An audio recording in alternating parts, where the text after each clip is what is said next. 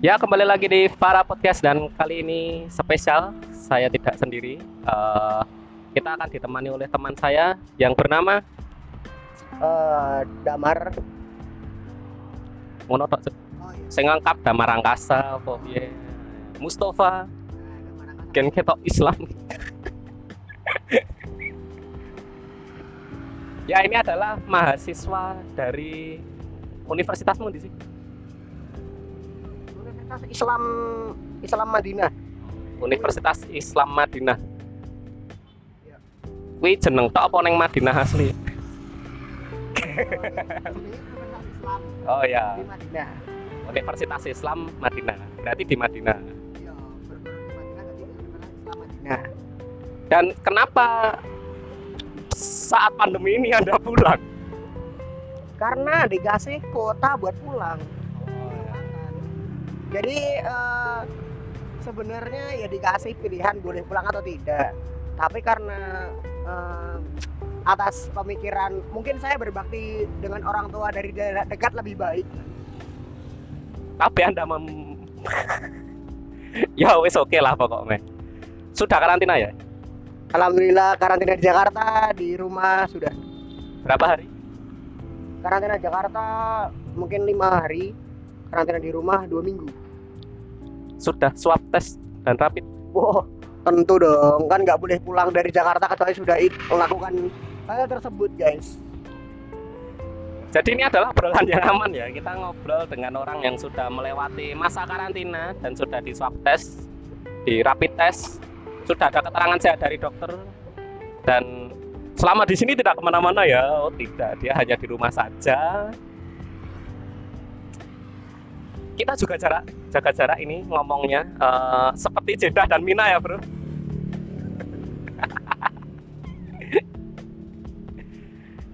ya ini tuh sebenarnya sebuah kesempatan yang sangat yoi sekali karena ya, apa ya? Kita jarang ketemu ya Mar. Kita kamu pulang berapa hari sekali sih? Saya pulang kayaknya 200 hari sekali iya bener. Setahun sekali. Itu pun Ramadan. Nah ya Ramadan ya aslinya tiap Ramadan bisa pulang. Cuma pandemi ini jadi Idul Fitri. Setelah Idul Fitri baru bisa pulang.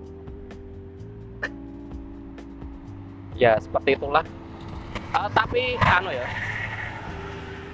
Oh ya ini kita bikin podcast di pinggir jalan sambil pesen kopi.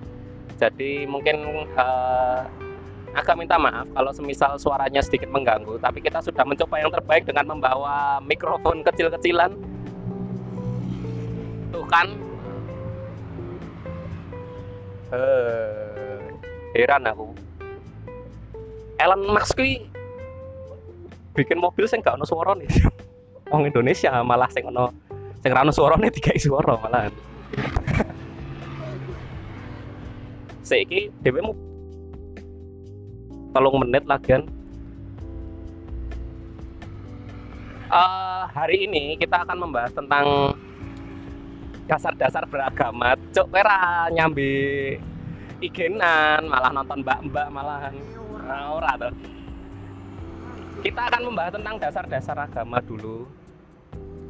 Kalau mau membahas langsung berat kayaknya juga susah ya karena takut diserang ojek online. Aku aku ini dua rencana anu, Mas. Apa yo karo cerita-cerita lah suatu saat suatu saat ya orang yang episode iki ya. Eh piye carane kowe iso sekolah ning kono ngono. Apa gacha apa sistem gacha random anu sogo top up kan nah, apa apa kelak ngerti-ngerti eh Mas ayo kuliah ngono kan ora. Nah, kita akan membahas itu di podcast selanjutnya yo kan ora sing saiki. Ah untuk membuka pertanyaan. Sekarang tuh banyak fenomena hijrah, Mar. Ja, bahkan kemarin di Solo ada hijrah fest. Hijrah festival. Enggak lucu sih, cuman apa? iya. Cum- eh, kegiatannya pun positif aku nonton ki apa kok terus sing yang mengisi itu yang mengisi itu Ustadz Felix Siau dan kemarin kan eh, ada kayak riding naik motor bareng-bareng pawai Oh. Oh, bukan kuda. ya? bukan. Kok anda mengarah? Tapi positif maksudnya mereka naik motor Vespa terus ya nggak bawa atribut. Itu pun kan hal yang bagus. Terus aku tahu dari temanku sih temanku kan kayaknya ikut. Isinya ya kayak pengajian kayak gitu. Bagus sih bagus. Astagfirullah tipe kan. Nah tapi kan di sisi lain itu banyak sekali yang orang-orang hijrah yang aneh-aneh. Ini sedikit cerita Mar. ada salah satu temanku. Itu cewek. Dia menganful semua teman cowoknya di Instagram. Dan itu bentuk memutus silaturahmi menurutku sih ya menurut. Lah itu fenomena hijrah neng fenomena hijrah saat ini itu seperti apa? Ya, menurut saya, Mas. Tapi ya karena sebenarnya sih langkahnya bisa dibilang berani sih temannya Mas tuh. Soalnya gini, ibarat di antara semua orang yang kadang kita pasti dapat banyak lah. Kita kalau mau mulai hijrah kita mikir kan, wah aku kalau hijrah enakan nih. Pasti aku bakal memutus silaturahmi sama orang-orang ini gitu kan. Tapi seketika teman Mas tanpa babi bu langsung memutuskan nganfol semua orang gitu kan. Nah, menurut saya langkah itu cukup berani. Cum apa namanya? Cuma menurut saya tergantung juga gimana ya? Tergantung apa yang dilakuin setelahnya menurut saya. Soalnya menurut saya gini lah. Eh, hijrah itu bukan cuma ketika kita langsung loncat ke hukum fikih ya, karena hijrah itu bukan cuma ketika kita tahu kita kita hijrah itu gimana ya? Kayak Islam itu bukan cuma tentang bagaimana cara beribadah, tapi Islam itu tentang eh, kenapa kamu beribadah. Nah, itu. loh. Kalau kita hijrah cuma berpikir gimana cara kau beribadah lebih. Nah, itu mungkin kan ya emang itu ada benarnya, cuma itu kadang meng- apa bikin eh, eh banyak dampak negatifnya gitu. Contoh, apa namanya kita memutuskan contoh kayak tadi kan, itu kan kayak langsung loncat ke hukum fikih. Kenapa? Karena hukum kholwat ke antara wanita sama perempuan eh, wanita sama perempuan. Wanita sama laki-laki kan. Ya itu sebenarnya nggak masalah. Cuma lebih ke kayak efeknya nanti gimana ya itu emang gimana ya? Emang udah dijanjikin dijanjikin pahala sih. Cuma menurut saya kayak bisa bilang terlalu ris terlalu beresiko. Tapi gimana ya mas ya? Kurang kurang anu lah kurang kurang gimana ya kurang Kurang bijak. Iya mungkin bisa dibilang kurang bijak sebenarnya. Cuma tapi tetap anu tetap balik lagi ke orang itu. Maksud saya contoh dia setelah nganfol itu dia bener-bener belajar Islam secara mendalam gitu kan. Contoh dia habis nganfol itu ternyata dia langsung belajar gimana cara beribadah yang benar, gimana cara apa namanya, gimana cara apa namanya itu meyakini meng- apa beriman yang baik dan benar gimana. Kalau dia semua langsung kayak gitu, apa namanya pasti itu apa namanya kayak orang semua orang tuh ridho gitu ngerti gak? kecuali gini contoh ada orang apa dia mutusin dia mutusin buat nganfol mutusin buat gak ngomong sama selain apa selain selain gendernya dia. Tapi ternyata besoknya dia ini dia kayak melakukan hal yang gimana ya? Kayak gak apa namanya gak gak sesuai lah. Ngerti gak kayak contoh tiba-tiba dia ini tiba-tiba dia eh, menghardik anak yatim atau Iya, mencuri harta anak yatim gitu kan. Nah kan kayak kurang ini aja gitu. Kenapa? Ya contohnya gimana ya? Masih banyak sesuatu yang bisa ini loh yang bisa ditinggalkan gitu loh. terus lagi pula juga kayak gimana ya? Eh anu kayak eh gimana ya bahasanya lebih ke ya tadi sih lebih ke, ris- ke- lebih ke risky gitu loh. Soalnya menurut saya ketika ketika kita mau ber- berhijrah itu kita juga harus kita harus kita lebih baik mengenal dulu kenapa kita beribadah kepada Allah gitu loh. baru kita baru kita baru kita apa namanya belajar bagaimana cara beribadah yang benar gitu. Jadi kan ketika kita di anu ketika kita di ibarat kita ibarat gini lah ketika anu ya mutusin buat nggak temenan sama cowok. Setelah itu kita ditanya kenapa sih agama nyuruh kayak gitu? Lah nggak tahu. Lah nggak tahu kenapa. Orang agama tetap nyuruh gini. Lah hikmahnya apa coba? Lah kenapa kayak gitu mana hikmahnya apa coba agama nyuruh kayak gitu? Nah kayak, kalau ditanya kayak gitu sama orangnya gimana? Kan kita nggak tahu kan kenapa? Kita nggak tahu kenapa. Ya karena kita langsung loncat ke hukum bagaimana cara kita beribadah gitu coba kita belajar kenapa kita beribadah kepada Allah? Nah gitu loh. Karena ketika kita kita karena ketika kita tahu kenapa kita beribadah kepada Allah kita pasti tahu alasan kenapa ibadah itu ada gitu loh. Kenapa alasan ibadah ini tuh dia kenapa kita harus sholat? Kenapa gerakannya harus kayak gini gini gini ya? Kita insya Allah kita bisa tahu gitu ngerti gak nah kayak gitu. Jadi misal nih, posisi ini posisi nih, posisinya apa? Ada motor lewat. Jadi misalnya nih, Mas, posisi ini eh, aku seorang yang pendosa.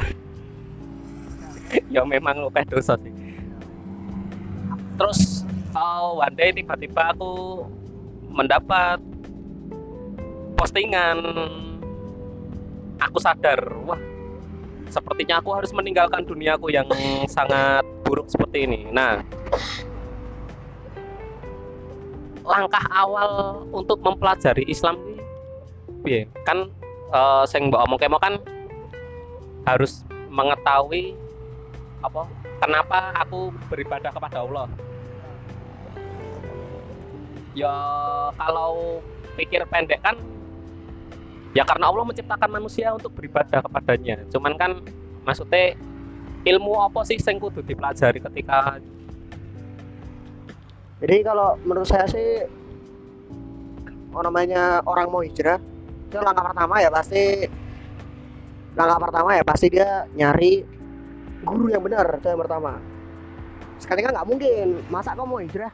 Aku mau hijrah aku akan mencari web yang bagus-bagus. Nah bagaimana anda tahu kalau web itu benar? Nah gitu kan tidak karena tidak tahu kan secara mending anda cari ustadz nah ustadz yang genah. Maksudnya ya kita emang nggak tahu ustadz ini bener apa enggak kita emang nggak tahu. Tapi selalu ada yang namanya rekomendasi gitu loh.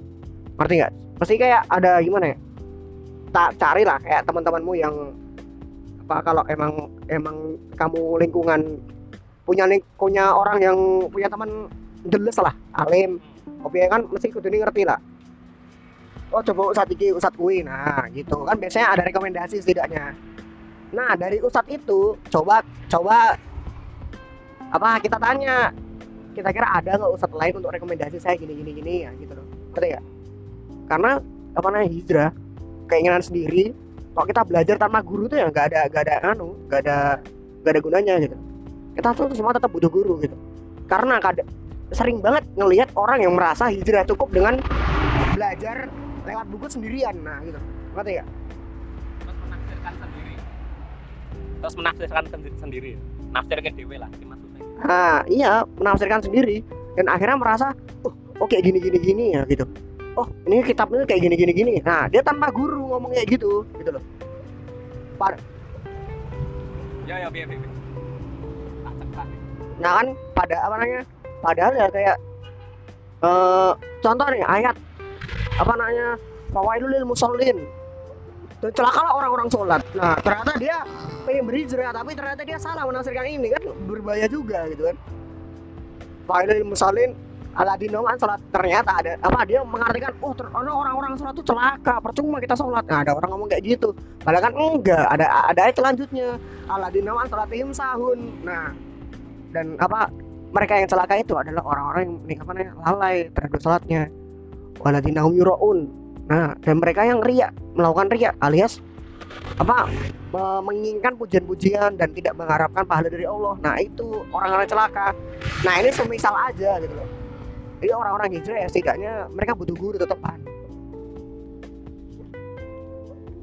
tapi kalau sejauh aku belajar Islam Islam ini kan luas banget lah ya. Maksudnya ada ilmu fikih dan aku yakin di di fikih itu mesti masih ada subbab-subbab. Apa jenenge eh, spesifikasi sendiri-sendiri lah. Fikih yang mengatur tentang apa tentang apa. Terus akidah apa wae sih Islam akhlak ya ono terus sejarah tafsir hadis dan lain-lain kan. Lah ustadz atau pemuka agama itu sebenarnya ada spesifikasi nggak? Soalnya kayak dokter misal kayak dokter kan kesehatan tapi ada dokter spesialis paru-paru dokter spesialis jantung. Lah ada nggak ustadz oh ustadz spesialis akidah ustadz spesialis fikih dan lain sebagainya. Ya tetap ada. Kayak kayak yang anu kan kayak ibarat orang lulus dokter tapi habis itu dia ada yang dokter spesialis ada yang dokter umum. Dokter umum kan kadang-kadang untuk untuk spe, apa gimana ya untuk bidang tertentu kan nggak semendetail itu cuma tahu umumnya aja gitu kan. Nah ya juga ada kayak gitu. Syekh syekh syekh yang di Madinah juga ada yang kayak gitu. Ini syekh yang ngajar fikih maksud saya ini contoh ini syekh ini di Mad- di Masjid Nabawi. Dia punya kajian. Kajian ini bahas tentang fikih nah itu ada ada juga saya yang bahas tentang hadis. Hadis kitab hadis. Ada juga saya yang bahas tentang kitab akidah nah gitu loh saya saya itu bukan berarti nggak tahu yang berarti bu- bukan berarti nggak tahu yang lain maksud saya contoh saya ini ngajar akidah tapi ternyata dia nggak tahu fikih ya bukan gitu beliau tahu cuma beliau lebih beliau lebih dobit atau lebih apa ya lebih Nah, ya lebih pro, lebih pro di bidang akidah. Nah, gitu loh. Sama sebenarnya. Gak jauh beda sama dia dokter, ya bisa dibilang kayak dokter-dokter gitu lah. karena kalau fenomena ya aku nggak tahu ini salah apa bener ya. Itu tuh kan sekarang kayak kalau pandanganku Mas, ya Ustadz tuh tahu segalanya. Dan kadang pun kayak gini semisal eh, tiba-tiba ada jemaahnya yang tanya nih tentang fikih. Sebenarnya dia nggak tahu tentang masalah yang dia tanya itu. Lah kadang tuh kayak jawabannya cocok logi aku main ngomong balonku ada lima tapi ora pena. Tapi iya ngono lah. Ya itu contoh. Kan aku gak nyebut jeneng ustad deh. Tapi wes klarifikasi kok. Lah. Aku Pak. kan kayak wes tak repost. Ngapa tak repost tapi lah. Apa eh ya pokoknya sebagai wong sing dari SD tekan dari SD sampai sekarang sekolah di background agama lah ya. Mesti kan lingkunganmu kan menilai oh damar ki ditakoki agama iso. Lah ketika aku tidak bisa menjawab apa yang kamu lakukan? Ya, kalau kalau saya nggak bisa jawab, ya saya bilang "Eh, saya nggak tahu sih mas kayak gini soalnya entah saya emang lupa karena pernah belajar atau malah saya emang belum belum belum pernah belajar soal kayak gini ya gitu. Cuma kalau emang apa namanya contoh persoalan kayak hukumnya mendetail, nah gitu ya. Hukumnya mendetail tentang sesuatu mungkin saya nggak tahu, cuma nanti kadang-kadang saya bisa jawab kayak hukum umumnya. Contoh kayak hukum naik motor gimana? Mungkin apa namanya saya nggak tahu. Tapi terus saya ingetin hukum hukum tentang hal-hal yang mubah itu alias hal yang boleh tetap hukumnya tetap boleh. Nah, gitu loh, ngerti nggak?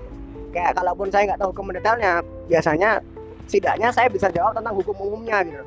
Tapi ya bukan berarti anu sih, bukan berarti saya takut kelihatan bodoh gitu nggak. Lebih tepatnya kayak mungkin bisa jadi apa namanya san, apa sandaran lah kayak ngerti gak sih kayak sandaran gitu loh oh berarti mungkin bisa dikiaskan atau bisa di eh, kiaskan tuh gimana ya? Bisa dicerminkan lah hukumnya. Nah kayak gitu kan. Cuma tetap saya bilang ya saya nggak saya kurang tahu hukum ini. Kalau apa nanya lebih Allah alam bisawab lah intinya. Atau Allah lebih tahu terus mending kalau emang bener-bener apa namanya saya takutnya ntar nyesatin nah mending tanya ke ini ke orang ahlinya aja gitu. Jadi kan ngerekomendasiin tanyalah Ustadz ini yang lebih ahli ngomong-ngomong soal motor. Wah. apa? Sekarang kan ada fenomena hijrah-hijrah mau ya Mar yang dalam tanda kutip uh, apa namanya yang kemarin video sempat viral itu orang naik kuda di jalan dengan atribut Islam. Ya sebenarnya nggak masalah sih naik kuda. Neng di Tawangmangu banyak orang nyewain kuda. Kok mereka nggak dipermasalahin nggak maksudnya gini. Uh, banyak orang-orang yang menurutku yang nggak menurutku sih ini banyak pandangan man, di masyarakat. Orang berhijrah tuh terus ke Arab-Araban dengan berpakaian seperti itu. Terus apa ya mau berkuda. Oke lah itu kan ada sunahnya aku yo ya, yo ya ngerti lah. Kayak apa sunahnya kan berkuda memanah dan berenang. Kan oh kan bener ya? Oh salah. Ternyata yang aku pelajari selama ini salah. Enggak kurang kurang tahu sih ya kalau sunahnya berkuda ya. Lebih tepatnya sih saya ingat saya itu tuh kita disuruh belajar bukan disuruh naik. Ngerti nggak? Cari contoh kita tuh disuruh belajar. Tapi ini belajar kan endingnya naik mar. Loh iya. Tapi orang belajar ibaratnya kita punya kita belajar sesuatu nih bukan berarti tiap saat kita kayak gitu gitu loh ngerti nggak? Hmm. ya intinya itu kayak kita ya bisa dulu gitu loh ngerti gak sih?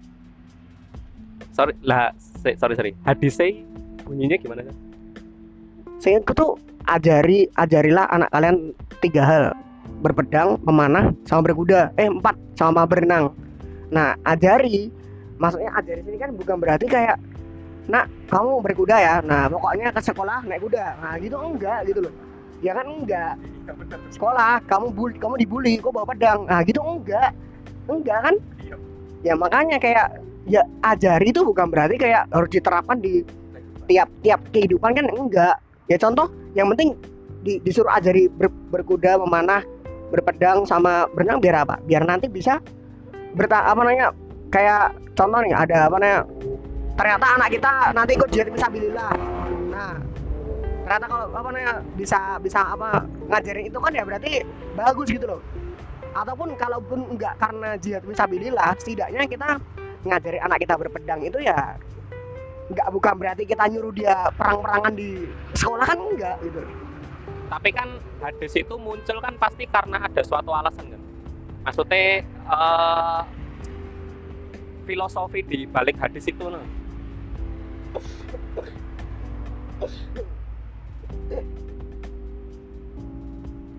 ya pasti ada. Alasan kenapa hadis ini ada.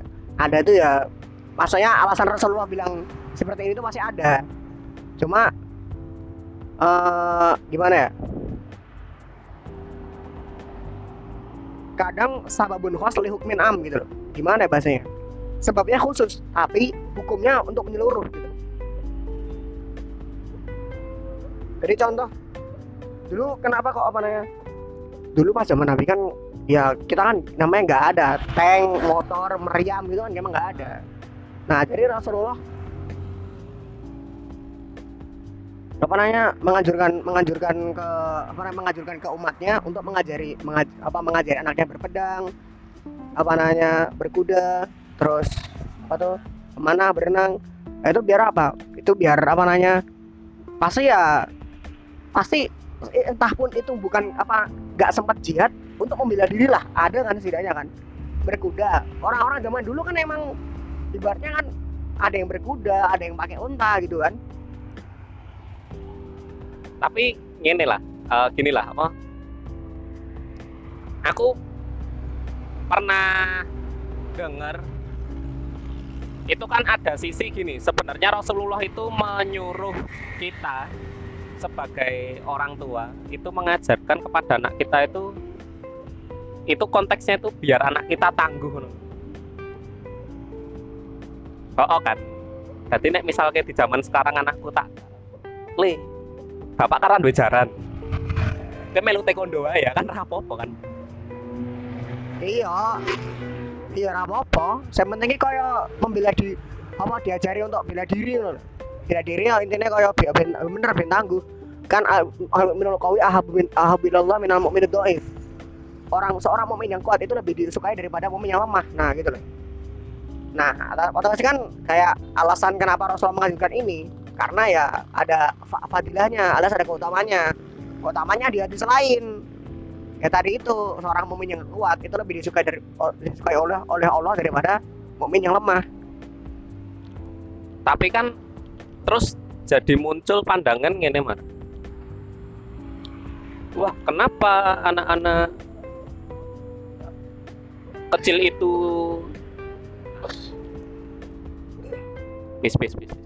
Kenapa anak-anak kecil itu diajari seperti itu? Apakah disiapkan untuk berperang? Apakah Islam akan menyerang kita? Loh enggak gimana ya anak-anak disuruh seperti itu ya karena biar biar tang biar orang biar tangguh biar kuat gitu loh. Kalau ketika orang mikir jangan-jangan anak kita emang disuruh siap berperang. Menurut saya nggak ada gimana ya ter- tergantung cara pikir orang tuanya.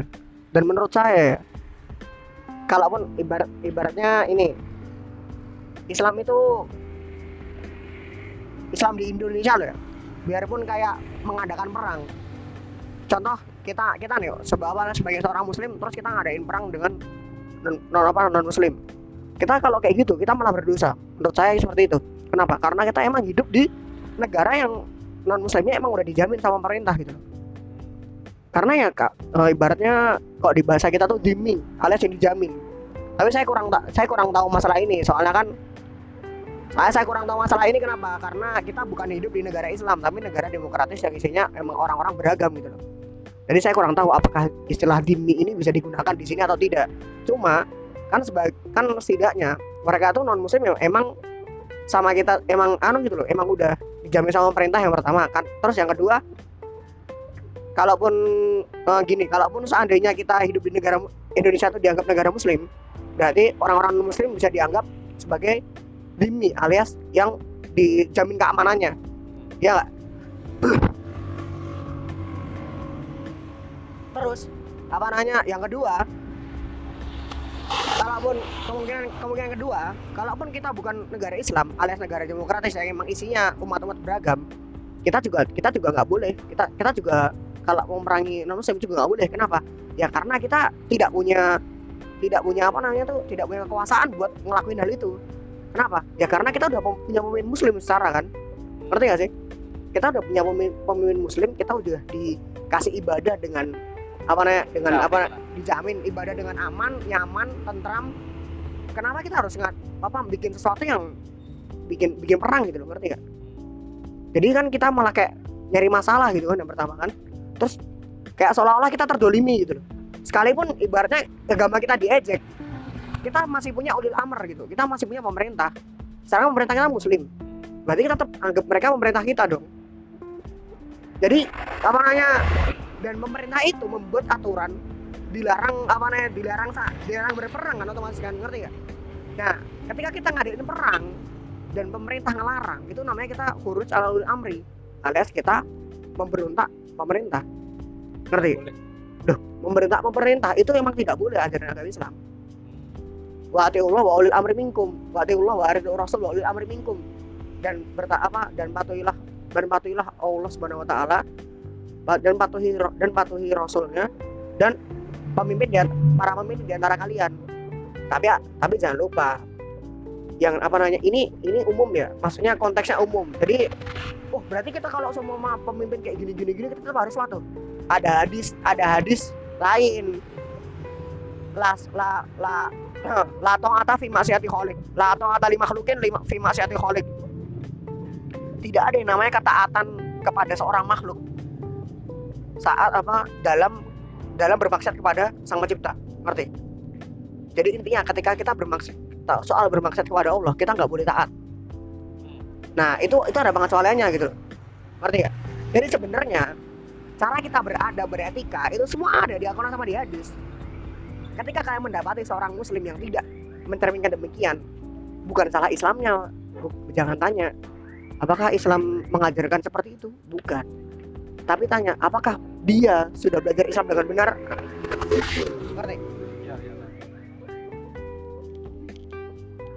Tapi ketika kita kira untuk sensitif sih apa apa ya. Tapi ketika gini kita kan sistemnya demokrasi ya. Maksudnya siapa pun dari elemen masyarakat mana pun bisa jadi pemimpin. Dalam tanda kutip dalam tanda kutip anu lah apa namanya eh petinggi negara lah entah presiden gubernur dan sebagainya. Ternyata yang menang non. Tapi dia masih tetap menjamin eh, kita beribadah kita hidup kita maksudnya tidak ada kebijakan yang mengganggu kita beribadah. Itu taat kepada ulil amri masih berlaku nggak? Kalau itu sih menurut saya tetap tetap berlaku. Cuma lebih ano karena yang selama itu ya tetap berlaku sama aja sih. Contoh yang penting yang, yang penting tadi tidak tidak gak, gak soal kemaksiatan lah. Yang penting itu. Tapi ingat ketika apa Allah Subhanahu wa taala bilang pada tatakhitul ladina yad'una min dunillahi auliya dan jangan pernah mengangkat orang yang menyembah selain Allah itu sebagai pemimpin di antara kalian. Nah, ingat itu ada hadisnya. Jadi jadi apa namanya ibaratnya kita jangan sampai salah langkah gitu. Contoh kita memilih seorang non non, non muslim sebagai pemimpin kita. Eh, enggak. Jadi kronologi, mungkin kronologisnya gini. sorry maksudku nggak kita memilih cuman di tempat itu memang yang menang itu gitu Oh ya udah, ya kalau emang yang menang itu dan insya Allah apa namanya dan menyuruh kita kayak apa ya kayak mener, apa sih aturan-aturan negara tuh jarang kan meng- melanggar ini melanggar melanggar agama ngerti nggak? Kayak ya paling apa namanya daerah ini saya apa namanya saya suruh melakukan gotong royong tiap apa gitu lah paling lah. Apa kayak gitu nggak sih?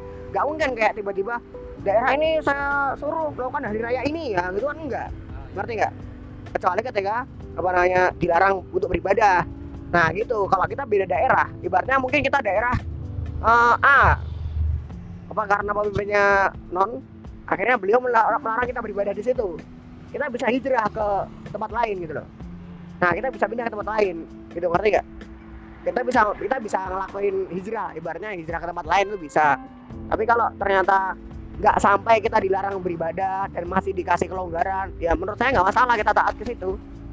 Karena kan intinya yang penting kita di pertama kan ya dihargai ya dikasih jaminan ibadah.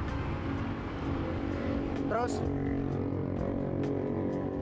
ya dijaminan keamanan lah ibaratnya. Ya menurut saya nggak masalah. Yang penting tidak menggang tidak tentang apa tidak suruh melakukan kemaksiatan kepada Allah. Itu insya Allah. Baik aku menemukan kata kunci menarik man ketika apa jadi tadi si Damar kan mengatakan bahwa ketika eh, di suatu tempat itu kita diganggu nggak maksudnya apa ya eh, ibadah kita tidak diakomodir mungkin kita dilarang atau dan lain sebagainya lebih baik kan hijrah. Ya. berpindah ke tempat lain. Tidak diperangi tidak diperangi. Ya ketika kita datang ke suatu negara nih ternyata negara ini masyarakat tidak boleh sholat. Kan opsi kita kan pindah berarti. Nggak memerangi tempat itu dong. Berarti kan Islam damai dong? Emang Islam damai? Maksud saya kan gini loh kita suruh suruh suruh perang tuh. Kayak seolah-olah tuh kita gimana ya? Eh kalau perang zaman sekarang itu tuh kayak nggak anu sih. Perang karena gimana ya? Memperjuangkan agama Islam ya tetap ada. Cuma kan kita nggak mungkin dengan gimana ya kayak aneh. Masih banyak hal gitu loh Eh, contoh nih kita tuh berperang tuh kita tuh selama ini berperang karena apa sih karena untuk menyebarkan agama Islam kan ya nggak iya Ya. menurut saya seperti menurut saya perang karena itu gitu loh menegakkan kalimat Allah Subhanahu wa taala itu pasti. Dan menurut saya cara caranya zaman cara caranya sekarang itu tuh menurut saya perang itu udah nggak udah nggak ini, udah nggak logis gitu loh. Ngerti nggak? Bukan karena soal berarti agama Islam tidak layak di, tidak layak dibela gitu, bukan gitu. Lebih ke kalau kita yang mau menyebarkan agama, agama Islam ya udah kita lewat dakwah gitu. Banyak kan caranya kan? Ap-. Iya, dakwah yang baik gitu loh. Dakwah yang baik, yang benar gitu kan itu cara anu sendiri gitu loh. Kalaupun gini lah. Kita apa umat Islam tuh di ini, umat Islam di sini dibunuh, di sini di apa namanya? dibunuh, disiksa. Kalau kalau kita emang dari negara situ, kita cuma cuma kita cuma bisa satu. Cuma bisa ya sabar sama berdoa. Otomatis cuma itu bisa itu doang. Memang bisa apa lagi? Kita kan bernegara dengan konstitusi dan hukum yang ada. Ya, kita punya cara untuk melawan lah secara konstitusi. Maksudnya kan bisa di laporin atau apa, tapi kan dengan cara yang baik loh. Maksudnya secara eh, yang diatur oleh undang-undang. Cuman kan sekarang apa namanya? Yang tak lihat sih ada beberapa kasus kayak misalkan gini terus sidangnya dikawal wongnya kayak gawe ada yang bikin rusuh ada yang bikin rusuh dan sebagainya itu menurutku malah nggak malah malah merusak image. Gimana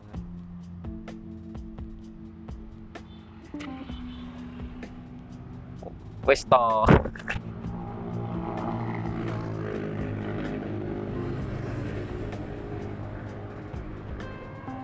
apa cuk? Apa cuk? Apa Wah ternyata kita sudah 30 menit. Tapi Apa jenenge Ke topik lain ya. Eh, Banyak orang Ini sih Yang menurutku jadi permasalahan sih. Apa namanya? Banyak orang yang Berhijrah Itu jatuhnya ke salah satu Pertama sesuatu yang nampak. Pakaian dan lain-lain. Yang terus dalam tanda kutip tuh orang nyebutnya kearap-arapan lah pakai baju ala-ala orang Arab. Terus ya semacam semacam itulah. Terus mungkin makanannya juga ikut yang kearap-arapan saya tidak mau gudangan ngono kan? Siapa tahu. Itu gimana mas? Kan maksudku gini, kalau setauku eh, Allah menurunkan kitab ini kepada Nabi ini itu kan untuk kaum itu, terus eh, ke Nabi ini untuk masa itu untuk kaum itu. Tapi kan Al-Quran turun ke Nabi Muhammad kan untuk seluruh manusia di dunia dan untuk selama dunia ini masih ada. Nah, sedangkan dunia ini kan beragam. Maksudnya kita orang Jawa ada beskap, orang sana ada baju apa, ada baju apa. Di Amerika ada jeans, terus ada makanan banyak sekali. Itu gimana? Apakah ketika kita berislam kita harus menjadi Arab? kalau anggapan ketika gimana ya karap-arapan tuh ya kadang-kadang rada geli juga sih maksudnya kita tuh gimana ya emang Rasulullah tuh pakai itu gitu loh ngerti ya kayak Rasulullah tuh ya pakai jubah ya bukan pakai sorban. Ya emang. Menurut saya ya emang kadang hijrah penampilan perlu dirubah. Cuma kadang mereka kayak lebih fokus ke penampilan gitu. Aku, aku jujur ya kalau menurut saya uh, orang yang merubah penampilannya menurut saya nggak masalah gitu. Ngerti nggak? Tapi saya nggak sukanya kayak orang yang merubah penampilannya tapi dia nggak fokus ke yang lain gitu. Contoh dia ternyata nggak ikut kajian gitu loh ngerti nggak? Nggak berusaha menambah ilmunya gitu. Dan dan ilmunya cuma mentok-mentok di situ aja gitu. Nah itu yang kadang kurang gitu. ya saya saya nggak masalah kalau sama saya masih sering ikut kajian ini ini ini. Cuma ternyata yang masih saya amalin cuma dikit. Nah itu loh step apa namanya gimana ya setupnya dia itu loh. Kalau setup pertamanya cuma penampilan doang dan nggak pernah nambah nah itu yang perlu ditanyakan ya bener apa enggak gitu. Menurut saya gitu. Tapi anu ya pertanyaannya lebih ke apakah harus merubah penampilan? Menurut saya kalau cowok menurut saya uh, nggak nggak terlalu. Kecuali beberapa hal yang emang Rasulullah melarang buat pakai itu. Nah dia contoh dia pakai sutra dia pakai emas. Nah gitu. Emang dia harus menghindari itu semua. Dan untuk cewek itu beda cerita.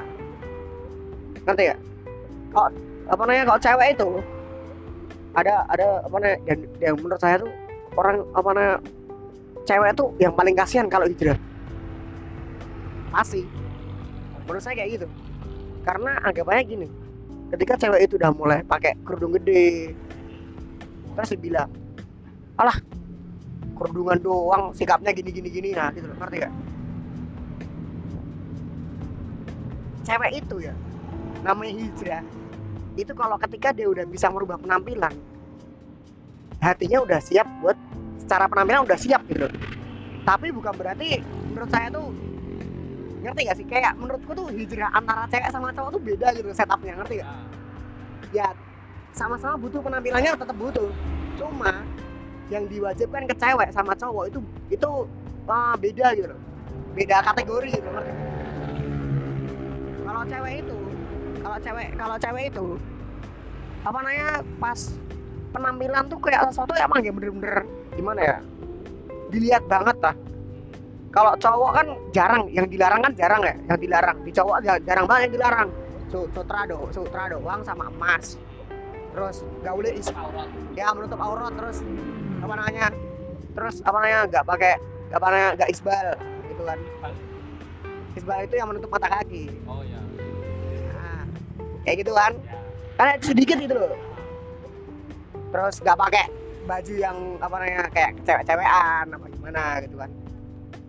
Nah maksudnya kan ya dikit gitu. Beda kan kalau cewek kan cewek itu nggak boleh pakai apa namanya nggak boleh pakai yang apa namanya kayak menunjukkan ketat nggak boleh harus nutup segini harus nutup segitu harus nutup apa namanya tangan tangan kaki itu harus tutup semua. Terus nggak boleh apa dan banyak masih banyak gitu loh ngerti ya dan ketika cewek udah nah makanya ketika cowok emang udah penampilannya gak isbal pertama terus gak pakai apa namanya sutra gak pakai apa namanya mas mas menurutku itu tuh udah cukup gitu. Nggak perlu nggak perlu sampai apa namanya ke mana-mana pakai jubah gitu loh. Itu nggak perlu. Kecuali kalau sholat. Kalau sholat ya menurutku nggak apa-apa nggak masalah. Soalnya kan emang adat adat adat apa namanya bukan adat sih. Lebih tepatnya tuh kayak dilihat orang itu tuh kayak gimana.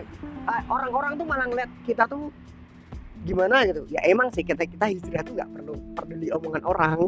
Cuma kan cuma kan lebih kayak gimana ya kayak ya yang penting tuh apa namanya jubah tuh nah, tapi ingat ya sebenarnya jubah itu beda loh. Ada yang buat tidur buat jalan-jalan sama buat sholat itu beda. Loh iya apa namanya soalnya jubah tuh kalau buat sholat sama jalan-jalan emang hampir sama cuma kayak buat tidur buat anu beda gitu loh. Nah itu loh. Atau malah buat di rumah doang tuh kadang-kadang itu beda. Nah masalahnya banyak sekali orang di luar sana yang keluar keluar jubahnya itu. Oh itu pakai jubah.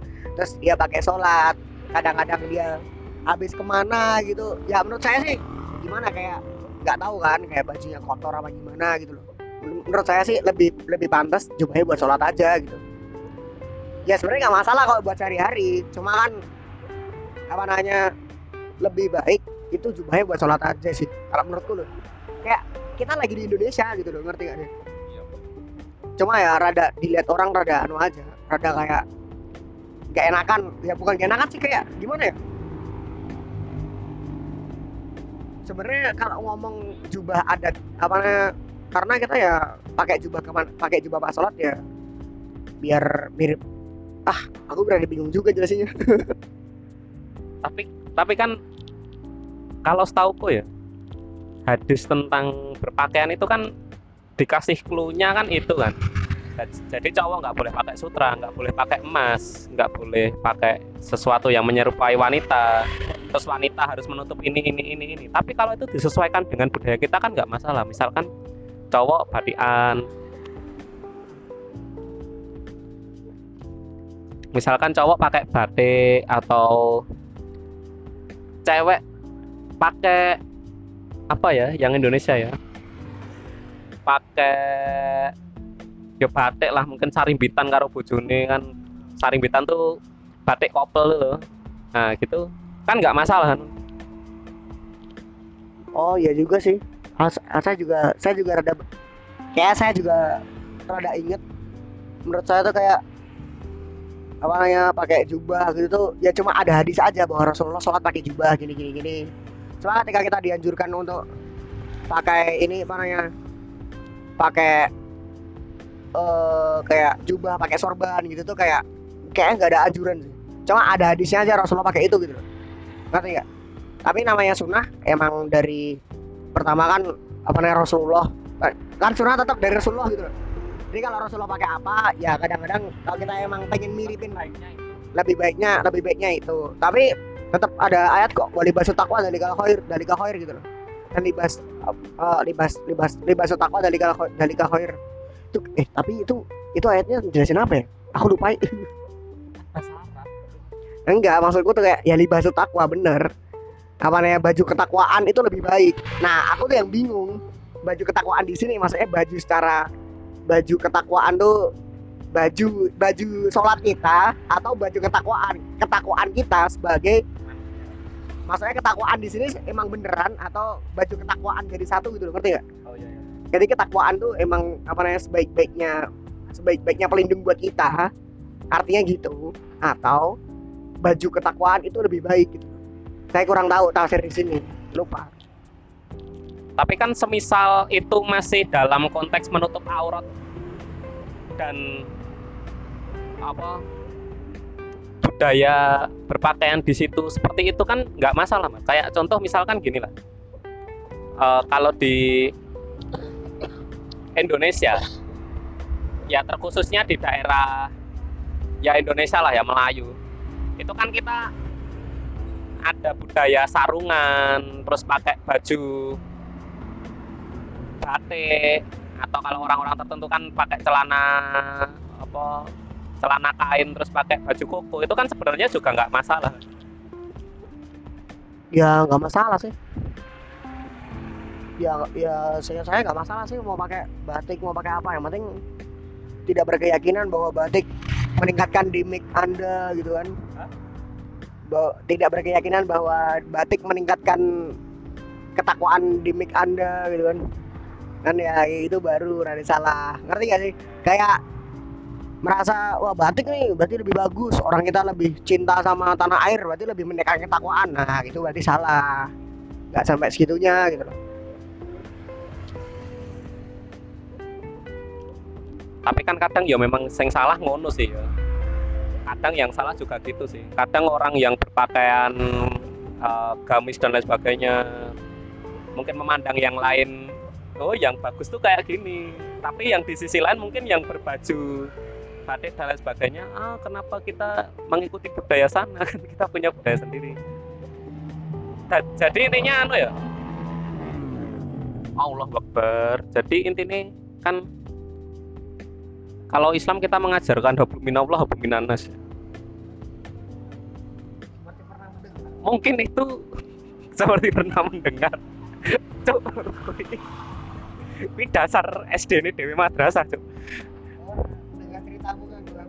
Oh iya, belum minallah belum minanas. Tapi kan kadang apa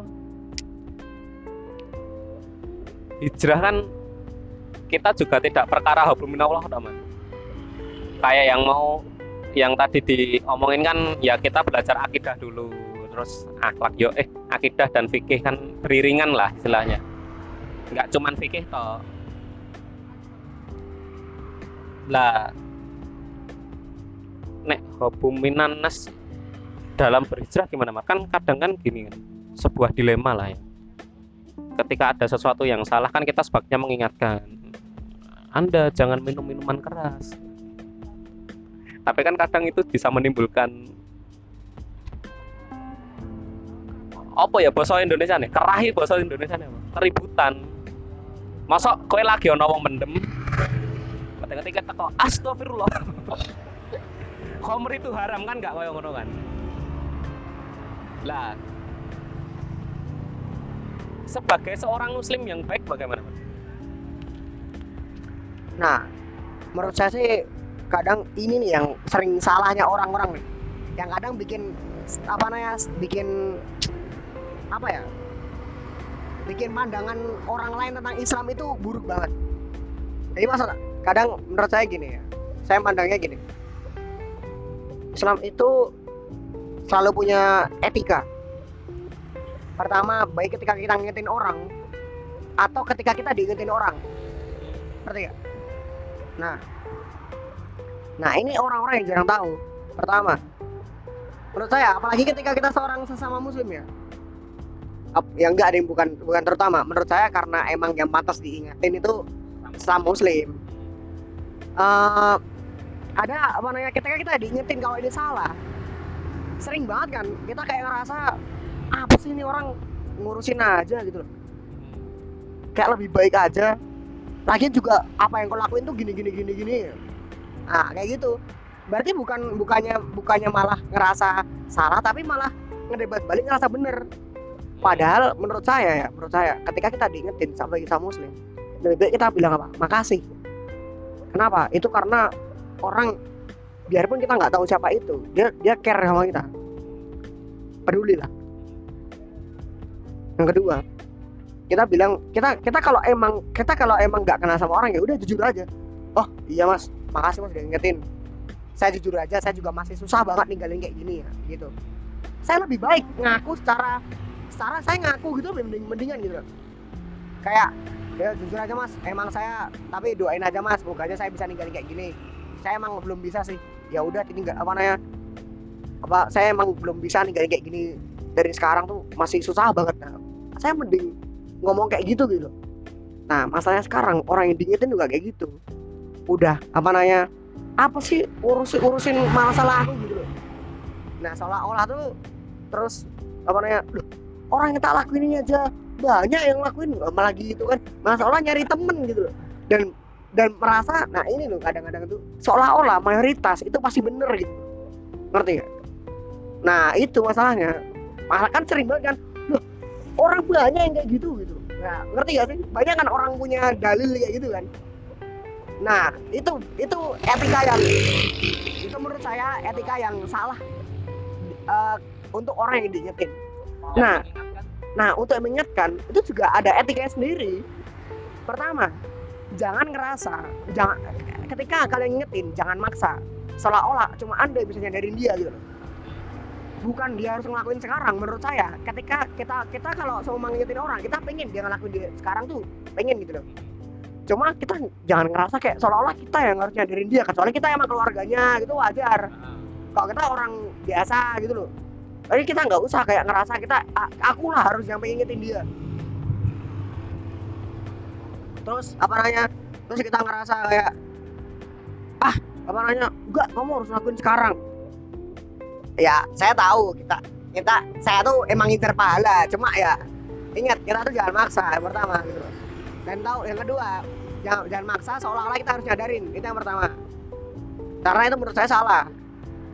Kenapa? Ya karena hidayah itu dibuka lewat jalan lain juga bisa. Bukan cuma lewat antum gitu. Iya. dan kedua dan apa namanya alasan saya yang kedua kenapa kenapa kok nggak usah maksa? Karena pahala kita ngingetin. Pahala kita ngingetin tuh udah ada gitu ngerti ya kalau kita emang niat ngingetin ya udah apa namanya inget aja bahwa inna kalata diman ababta walakin Allah ya dimayasya gitu. Sesungguhnya kamu itu nggak memberi petunjuk tidak bisa memberi petunjuk.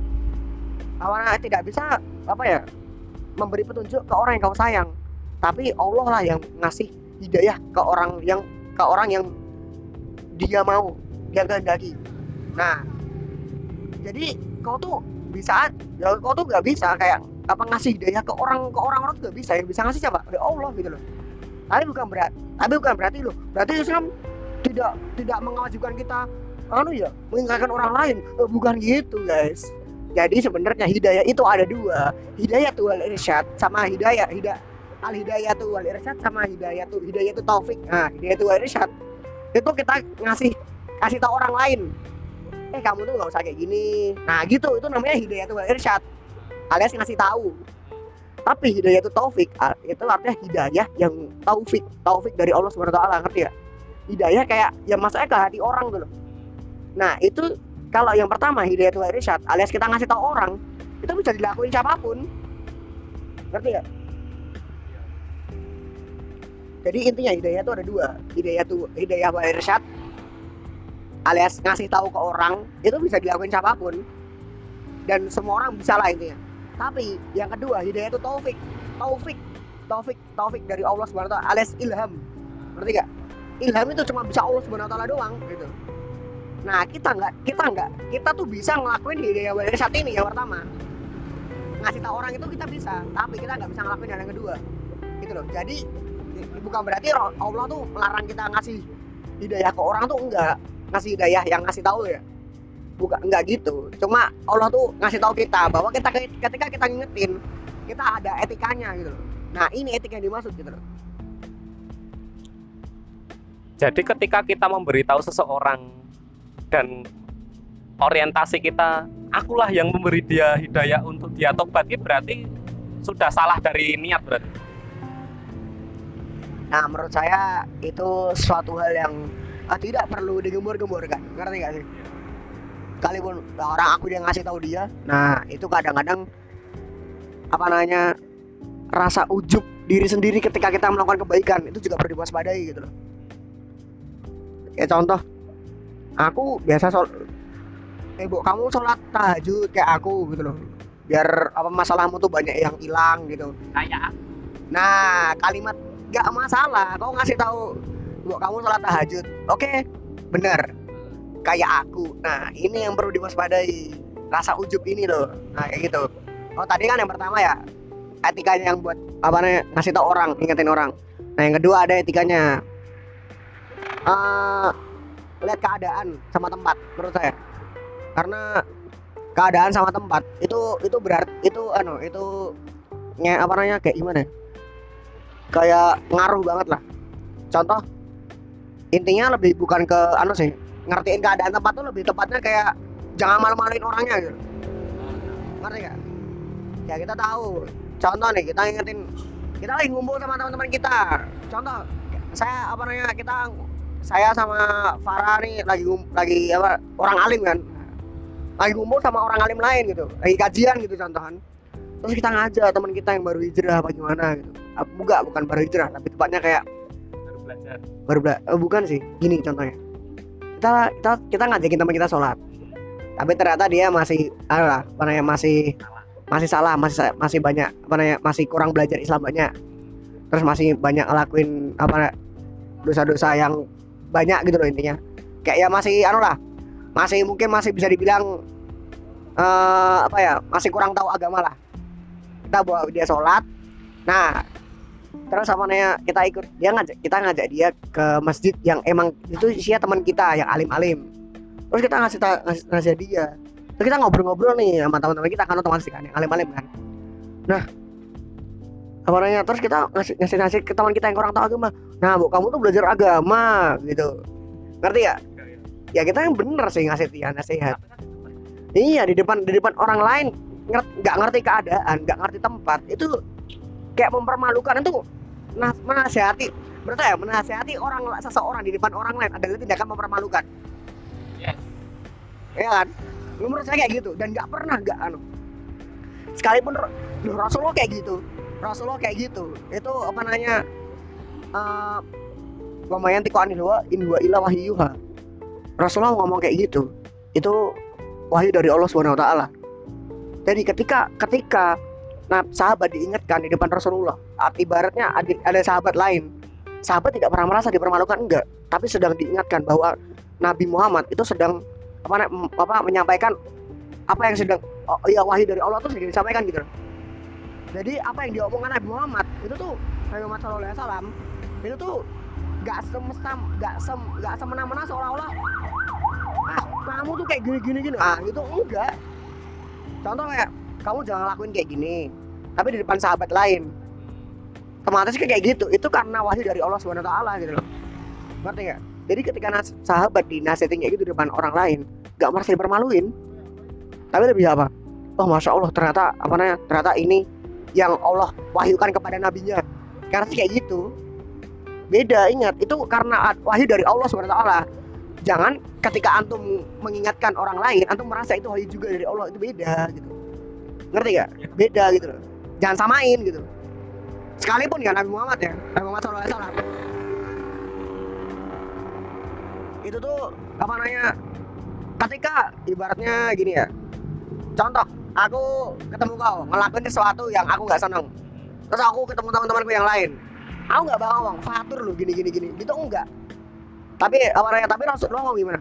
Roa itu kauman. Saya melihat suatu kaum melakukan ini gitu. Tapi namanya. tidak ngomong namanya enggak gitu loh. Rasulullah nggak pernah mempermalukan bahkan nggak ketika nggak ada orangnya. Ngomongnya gimana? Roa itu kauman. Saya telah saya melihat suatu kaum. Suatu kaum. Rasulullah nggak nggak nggak ngomong orang siapa gitu. Bahkan itu ketika nggak ada orangnya gitu. Nah itu yang orang-orang tuh rata-rata nggak tahu. Ketika ngingetin gitu.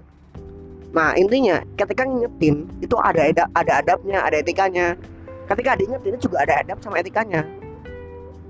Dan yang paling penting kan saya nyuruh bilang yang diingetin itu mau bilang makasih karena diingetin. Nah yang ngingetin ini yang kadang-kadang sering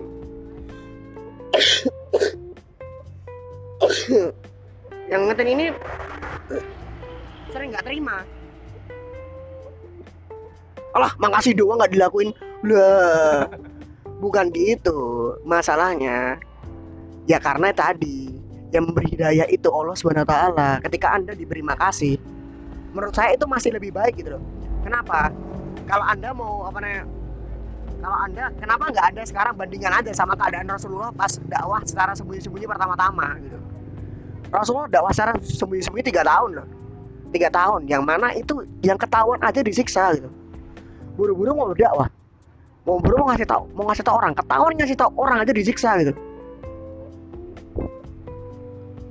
Itu kadang-kadang balasnya apa coba? Kita nggak dakwahin balasnya apa? Dilempar disiksa. Dan kau balas dibalas makasih dan kau masih nggak terima gitu? Menurut saya ya ya emang ketika kita emang rada-rada sakit hati cuma kontrol kontrol di diri kita gitu loh. Ngerti gak sih? Pahami keadaan orang lain juga itu yang penting. Tapi bukan berarti ah dia orangnya kayak gini sih. Kayaknya aku nggak perlu ingetin. Bukan gitu enggak. Kita nggak berarti lepas tangan gitu loh. Dan kadang-kadang gini orang-orang menurut saya enggak tahu sih ini statement saya bener apa enggak nggak tahu. Cuma saya pernah dikasih tahu kayak gini. Uh, kasusnya kayak gini sih. Kita ngingetin orang dan orang yang diingetin bilang gini kalah kayak kamu sempurna aja gitu. Ngerti gak? sering terjadi. Nah sering terjadi kan. Nah menurut saya kalau memang manusia apa namanya nunggu sempurna buat ngingetin orang. Nabi Muhammad ajar Nabi Muhammad gak bakal sampai ke kita. Ngerti ya contoh apa apa sahabat tuh menyebarkan agama Islam karena mereka merasa diri mereka sempurna? Enggak kan? Apakah para tabiin apakah para murid-murid sahabat itu menyebarkan agama Islam karena merasa ketika mereka merasa mereka diri, diri mereka sempurna? Enggak kan? Ngerti nggak maksudnya? Nah maksud ya wah aku ngerti Islam kabeh kok kata awal mudun nanti saiki kok ngopo ra jebar iki. Ya enggak. Enggak ada kalimat kayak gitu. Nah itu loh masalahnya. Jadi menurut saya nggak perlu nunggu sempurna untuk kamu ngingetin seseorang gitu. Tapi ya intinya tadi apa namanya pahami keadaan orang lain dan pahami keadaan sama tempat pokoknya. Dan ingat jangan sampai apa intinya harus perhatikan etika-etika sama adabnya gitu dan yang paling penting ketika kita ngingetin orang jangan lupa untuk apa muhasabah diri. Jangan jangan sibuk memperbaiki orang lain tuh nggak masalah. Tapi sibuk memperbaiki diri sendiri itu utamanya gitu. Itu masalahnya orang-orang kadang. Jadi merasa aku berdakwah. Oke aku berdakwah gitu. Tapi ternyata kadang-kadang mungkin malah mungkin ada ya ada seorang dai dia tuh berusaha selalu berusaha dakwain sesuatu dakwain orang-orang tapi ternyata dia nggak pernah belajar lagi. Masih ada kasus kayak gitu kan? Ngerti masa nggak? Merasa bahwa dia nggak butuh belajar. Yang kurang tahu. Mungkin emang dia nggak sempat apa gimana nggak tahu. Cuma sesempet nggak sempat itu emang harus belajar lagi gitu loh. Ketika kita ngantin orang ya kita harus berbenah diri juga. Contoh loh cuma apa sih sholat doang? Gini gini gini. Ya bukan sholat doang dong. Maksudnya kan banyak gitu. Contoh zakat ketika kita ngasih tahu orang nggak mungkin kan orang tanya cuma tentang sholat doang. Berbenah itu ya berbenah ilmunya ditambah. Terus coba kita lihat ada yang ada yang salah nggak sama sholat kita. Kamu yakin sholat, sholat anda yakin sholat anda sudah benar semuanya? Enggak kan? Nah makanya. Itu maksud saya ketika kita ngitin orang jangan lupa berbenah diri. Tapi bukan berarti nunggu sempurna. Ngerti? Nah di situ loh soalnya kalau sudah merasa sempurna kan ria iya. Bener kan? Ya ini kalau diterus-terusin kayaknya sampai pagi mar. Dan sudah sudah satu jam ternyata. Ya, oke.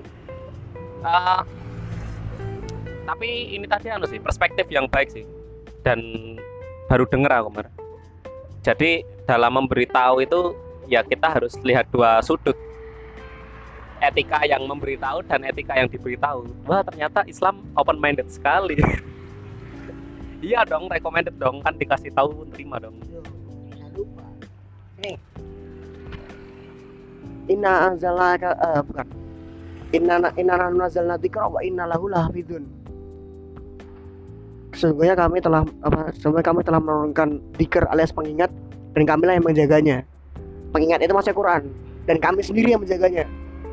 Coba seandainya mana ya uh, ibaratnya gimana ya? Jadi agama Islam itu bisa bertahan sampai sekarang. Itu kenapa? Karena Allah sendiri yang jaga. Loh enggak. Allah nyamakin diri sendiri terus jaga. Enggak gitu. Enggak gitu konteksnya. Nah maksudnya konteksnya di sini adalah lewat kesadaran para umatnya gitu. loh nah maksudnya saya di situ. Terus apa namanya? Berarti agama Islam memang gini ya. Loh al yauma akmaltu lakum dinakum wa atmamtu alaikum nikmati. Baru itu lakum Islam Madinah. Ketika haji haji haji wada kayak. Allah subhanahu Allah subhanahu wa taala menurunkan ayatnya. Al yauma akmaltu lakum dinakum. Dan hari ini telah aku sempurnakan agama kalian. Wa atmamtu alaikum nikmati. Dan aku sempurnakan nikmat kepada nikmatku yang aku turunkan kepada kalian wa itu lakum Islam Madinah dan aku telah ridho Islam sebagai agama kalian maksudnya Islam sebagai agama kalian ini tandanya apa? Masa Allah meridhoi agama yang salah? Masa agama yang ada ada yang ada kurangnya Allah ridhoi? Ngerti? Ya kan enggak. Lagi pula yang menurunkan juga siapa? Syariat-syariat itu berasal dari siapa? Dari Allah taala. Kita menyembah Tuhan yang tanpa tanpa catat sedikit pun. Itu yang perlu diingat. Jadi Islam itu bersumber dari Allah SWT dan Allah SWT itu tanpa catat sedikit pun. Dan ketika Anda berusaha mencari suatu catatan dalam agama Islam, Anda sedang mencari catatan dari Allah SWT.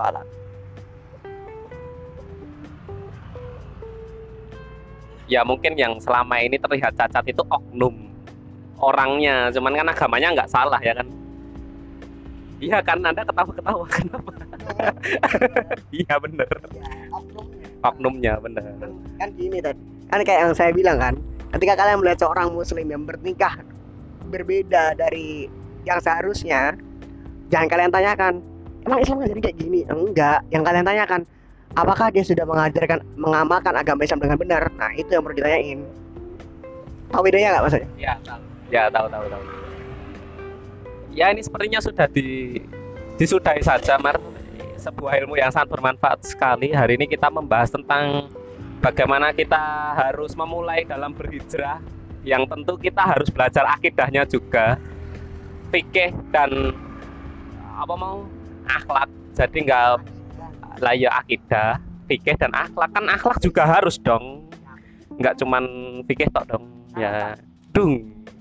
Jadi nggak cuman fikihnya doang. Terus yang kedua kita tadi kita ngomong terlalu lebar sih. Ini nggak ada skripnya loh. Ini makanya ya mohon maaf lah tadi kalau kita ngalor ngidul dan berhenti berhenti terus dan quotes menarik di terakhir bahwa dalam kita memberitahu seseorang itu ya kita harus tahu etika. Dan yang diberitahu pun juga harus memberikan reaksi yang baik dan menjadikan itu sebuah introspeksi bagi kita semua. Oke, terima kasih Mas Damar telah bergabung di podcast hari ini. Hah? Monggo. Uh, aku aku masih uh, rada bahas sama temanmu yang apa namanya langsung ngejauhi teman-teman cowok ya. Menurutku ya langkah langkah yang bagus, Mbak. Saya nggak akan menyalahkan Anda seolah-olah hal tersebut buruk banget. Enggak. Tapi kalau memang Anda sudah siap berhijrah, itu hal yang baik banget dan jangan lupa untuk belajar lebih baik asal agama Islam lebih banyak gitu loh. Saya nggak akan menyalahkan bahwa itu risk, risk eh, penuh risiko pasti karena jalan hijrah emang penuh risiko. Cuma saya sarankan tetap belajar agama Islam lebih banyak. Nah itu loh.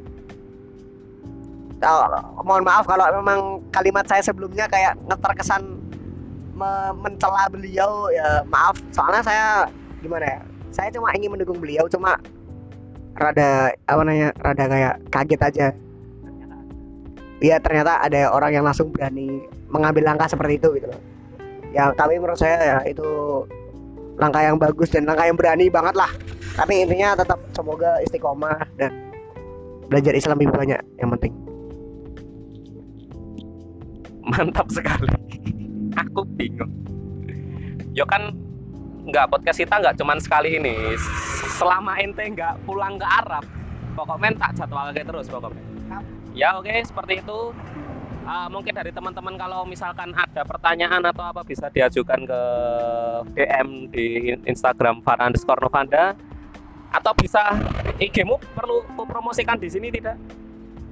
Ah, saya seperti itu Oh ya, ya IG-nya dia itu jarang upload dan isinya foto pantai semua.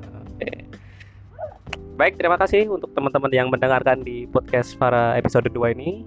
Nantikan episode selanjutnya dan sampai thank you